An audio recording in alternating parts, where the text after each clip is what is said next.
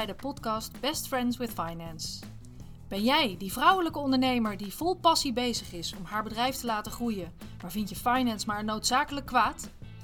Wij, Antonia Eilander en Monique Bush, gaan je op een luchtige manier meenemen in financiële zaken, zodat finance voor je gaat werken in plaats van dat het je tegenhoudt in de groei van je bedrijf. Kortom, zodat finance ook jouw best friend wordt.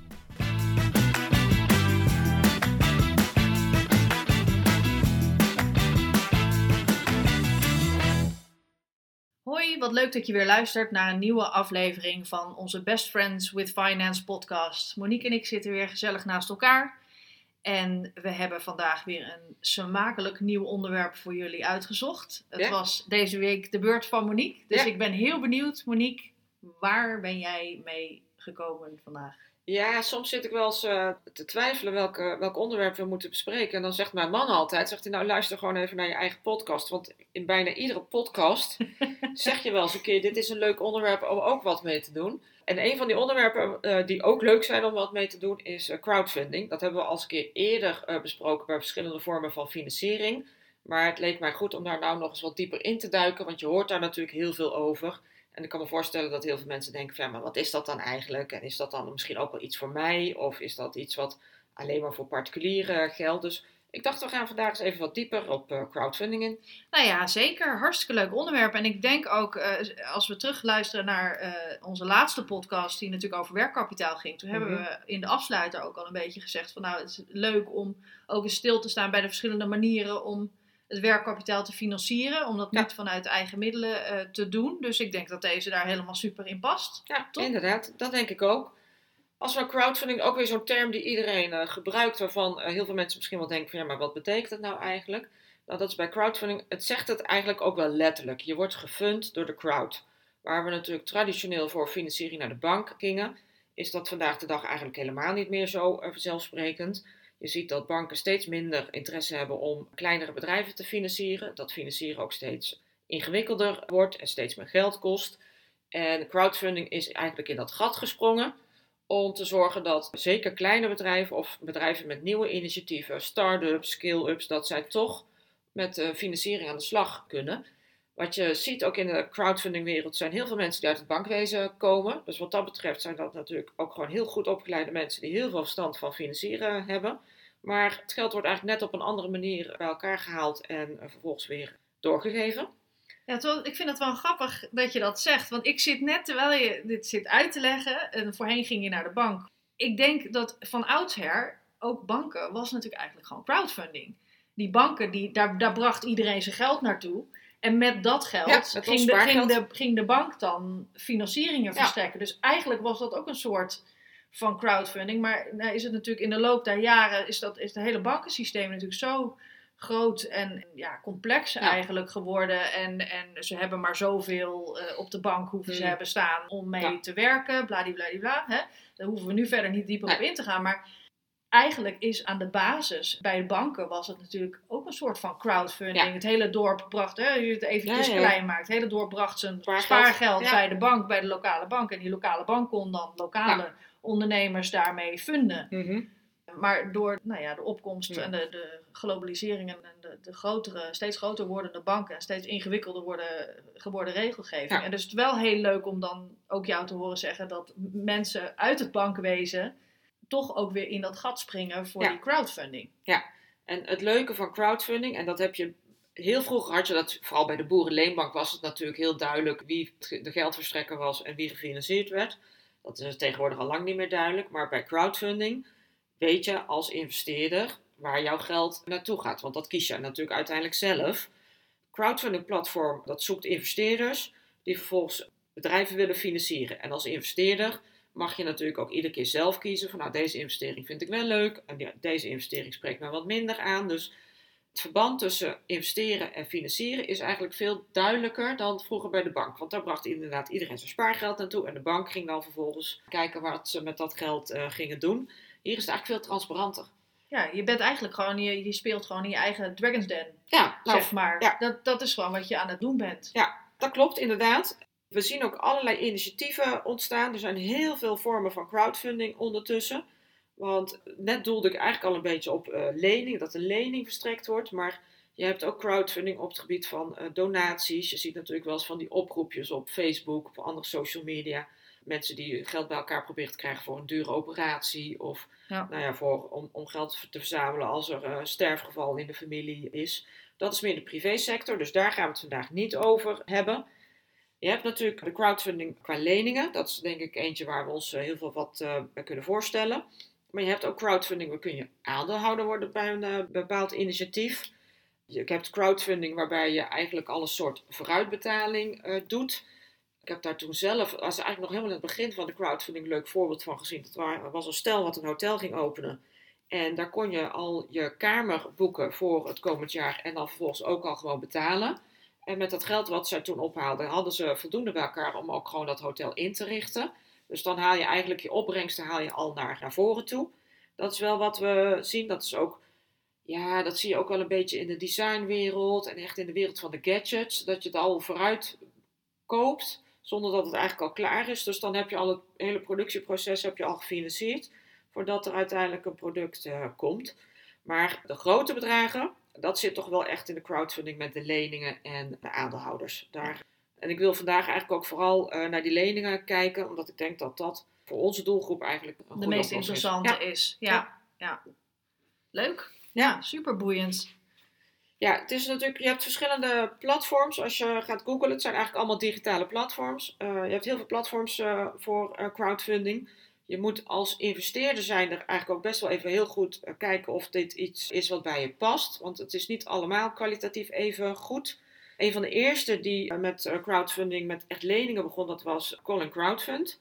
Die zijn daar ook echt heel succesvol in, pakken dat heel serieus aan. Je hebt ook Geld voor elkaar, dat is ook een heel serieus platform. Ik ben geen adviseur, maar het is meer wat ik gewoon vanuit mijn eigen praktijk zie. Iedereen moet daar natuurlijk gewoon heel goed onderzoek naar doen. Als je daarin wil investeren, of je dat ook echt eh, de moeite waard vindt. En of je ook echt van mening bent dat het crowdfunding platform daar iets aan toevoegt. Want je hebt natuurlijk platforms die alleen maar eigenlijk het geld doorschuiven. En je hebt platforms die ook echt serieus kijken van nou is dit een goede investering. En nou, daar is Colin Crowdfund en Geld voor elkaar zijn dat er eh, twee van.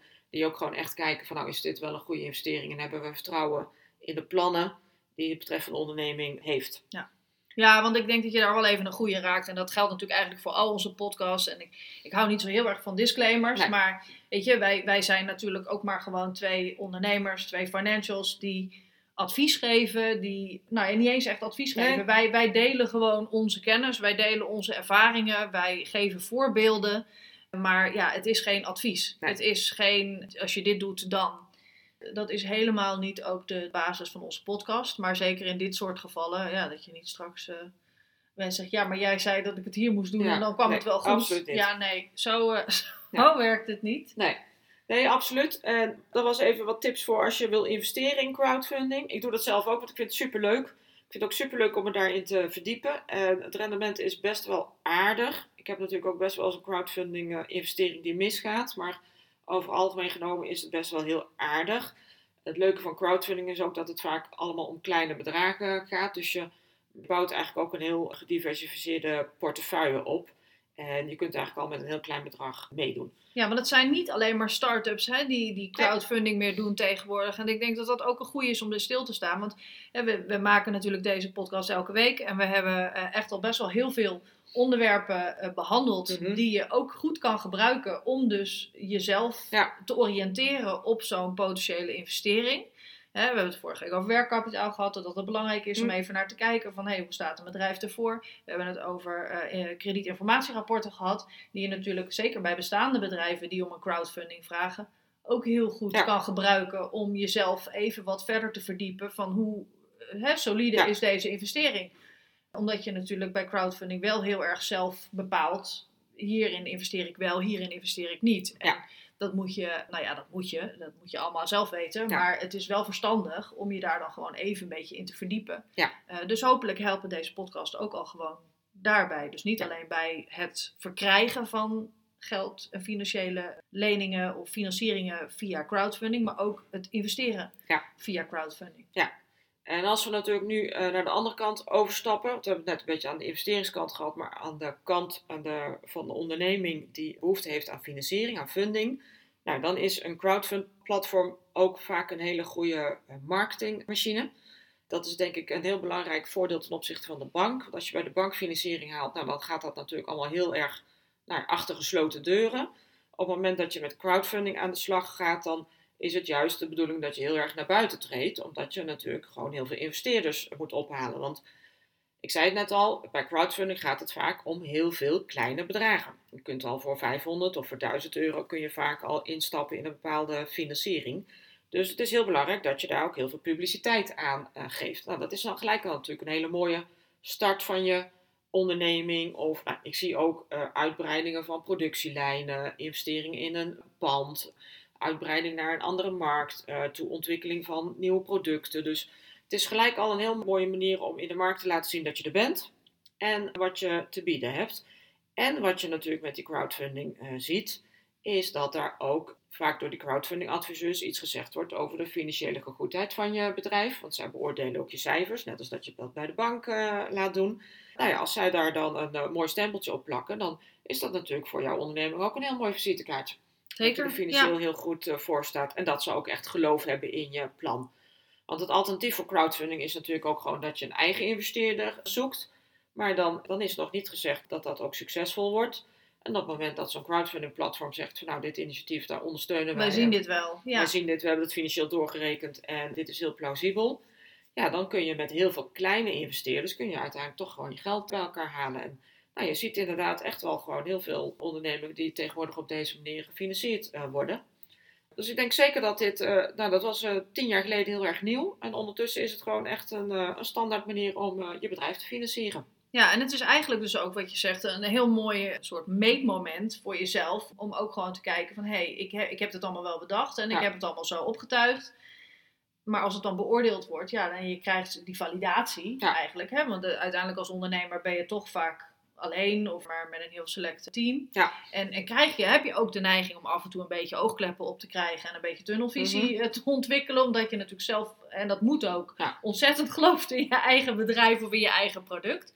En dan is het juist hartstikke goed om even die, die validatiecheck te doen bij zo'n crowdfunding organisatie, bij zo'n platform. Ja. Dat is toch eventjes kijken met verse ogen, het zijn toch vreemde ogen, die, Ja. die er naar kijken zonder al te veel voorgeschiedenis of zonder dat ze jou heel goed kennen. Ja. Bij een bank is het soms ook nog gewoon een stuk relatie. Dat zijn toch vaak mensen, ook al gaat het natuurlijk Mhm. uiteindelijk om de cijfers en krijg je daar ook geen lening als je, Nee. als je heel, beroerd, heel beroerde cijfers aanlevert. Maar ja, ik, ik denk dat dat iets is wat niet zoveel belicht wordt, maar dat dat ook voor jou als ondernemer heel waardevol kan zijn. En misschien krijg je ook wel dingen terug waarvan je denkt, hé, hey, oh, dan moet ik misschien toch nog even terug naar Ja. de tekentafel, want ik ben er blijkbaar nog niet helemaal. En dan halen ze toch ook misschien nog wel wat pijnpuntjes naar Ja. boven. Absoluut. En dat past inderdaad, we hebben dat al eerder geroepen, zorg dat je iemand hebt om met te sparren. Ja. Nou, dan is dit een heel mooi Ja. middel. Je hebt heel veel crowdfunding platforms, dus als jij een, eh, crowdfunding platform eh, zoekt, ga dan ook vooral op internet onderzoek doen eh, bij wat voor platform goed bij jou past. Want nou, hoe beter het bij jou past, hoe groter uiteindelijk de kans van slagen is en hoe ja, succesvoller ook de publiciteit eh, voor je gaat werken.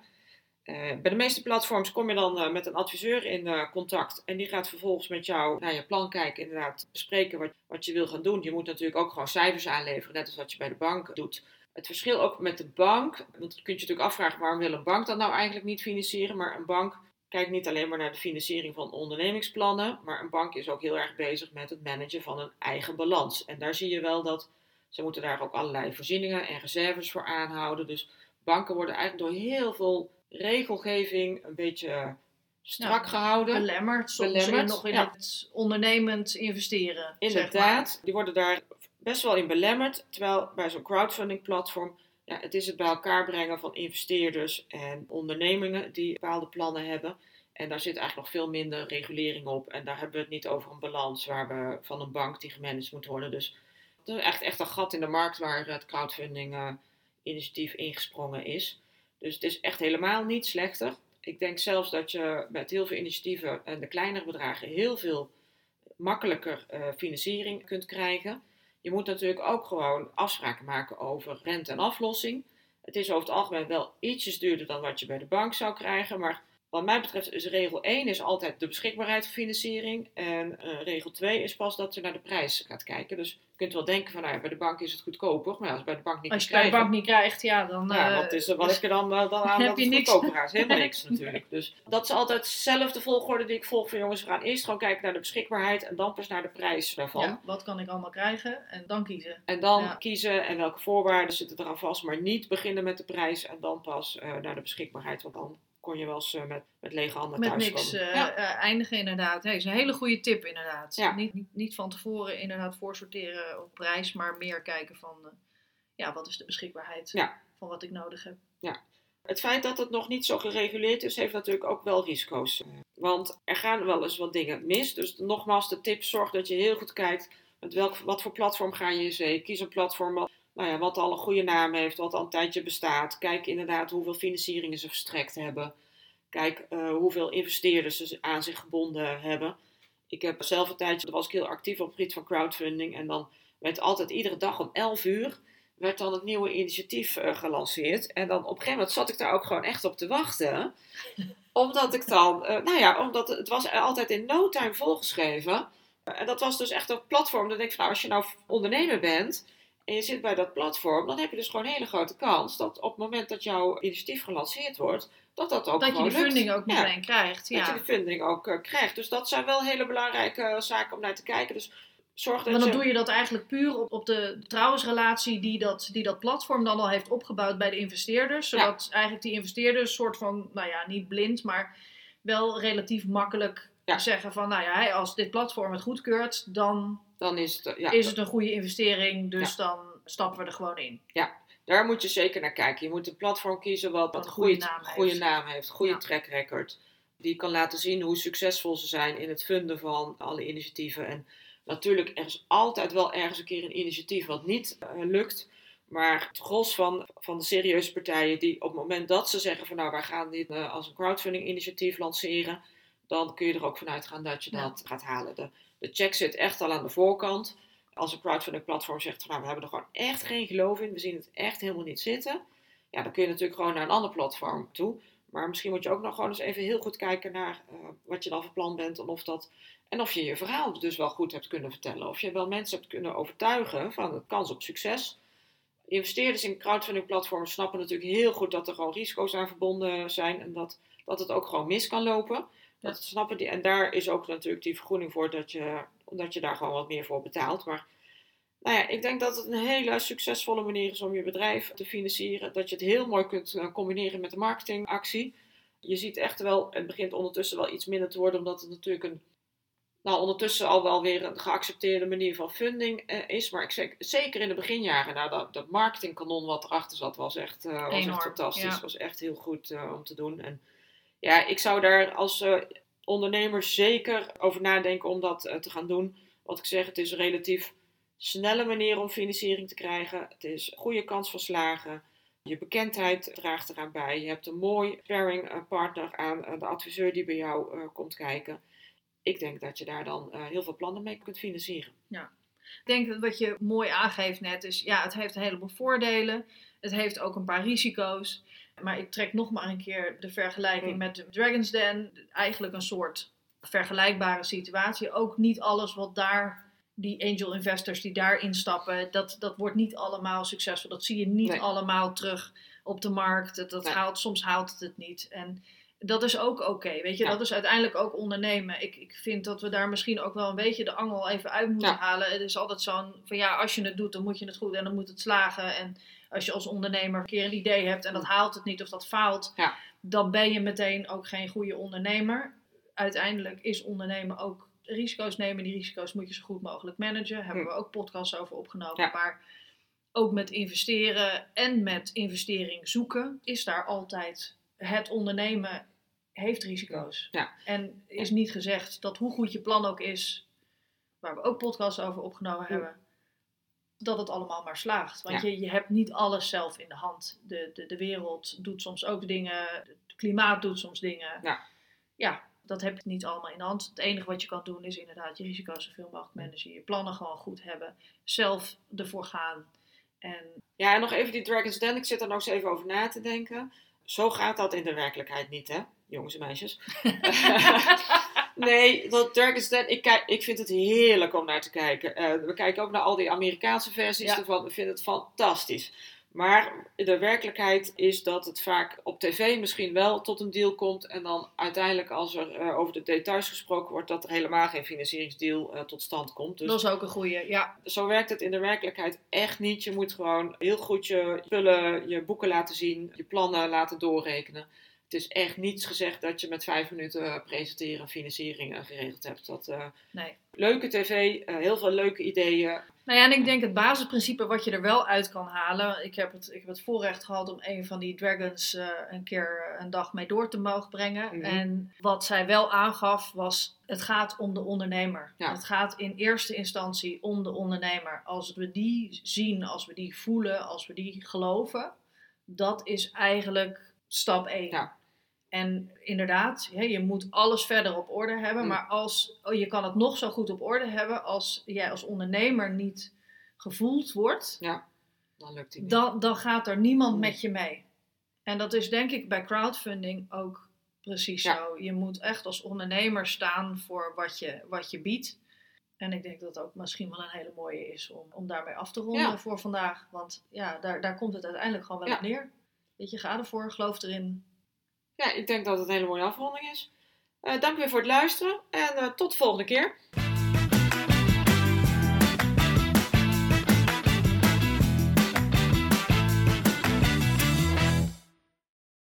Dankjewel voor het luisteren naar onze podcast. Dat vinden we superleuk. Als je onze podcast waardeert, zou je ons dan een review willen geven in de podcast-app. Dat kan door bijvoorbeeld 5 sterren te geven in Spotify. Daar zijn we blij mee en zo wordt onze podcast beter vindbaar voor andere vrouwen. En vind je het leuk om contact met ons op te nemen? Dat kan dan via LinkedIn. Tot de volgende keer.